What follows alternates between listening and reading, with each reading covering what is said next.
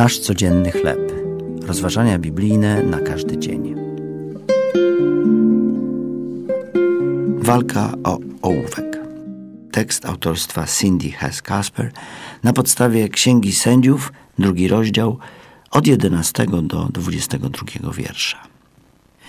Gdy uczyłem się pisać litery w pierwszej klasie, nauczycielka nalegała, bym trzymał ołówek w określony sposób. Gdy na mnie patrzyła, trzymałem go tak, jak chciała. Gdy jednak się odwracała, uparcie wracałem do sposobu trzymania, który uważałem za wygodniejszy. Potajemnie uważałem, że to ja wygrałem w walce woli i dzisiaj nadal trzymam ołówek na swój specyficzny sposób. Wiele lat później uświadomiłem sobie, że mądra nauczycielka wiedziała, iż przez mój upór nabędę złych nawyków pisania, a moja ręka będzie się szybciej męczyć. Dzieci rzadko wiedzą, co jest dla nich dobre.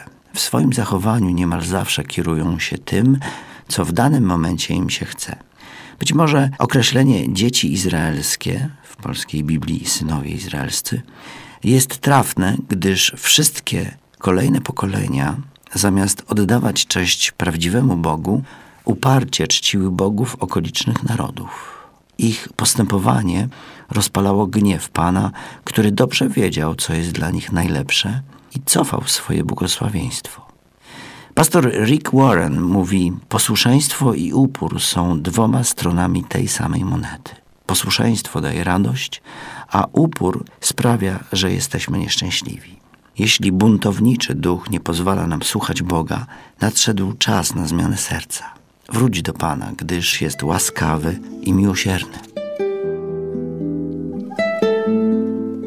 To były rozważania biblijne na każdy dzień. Nasz codzienny chleb.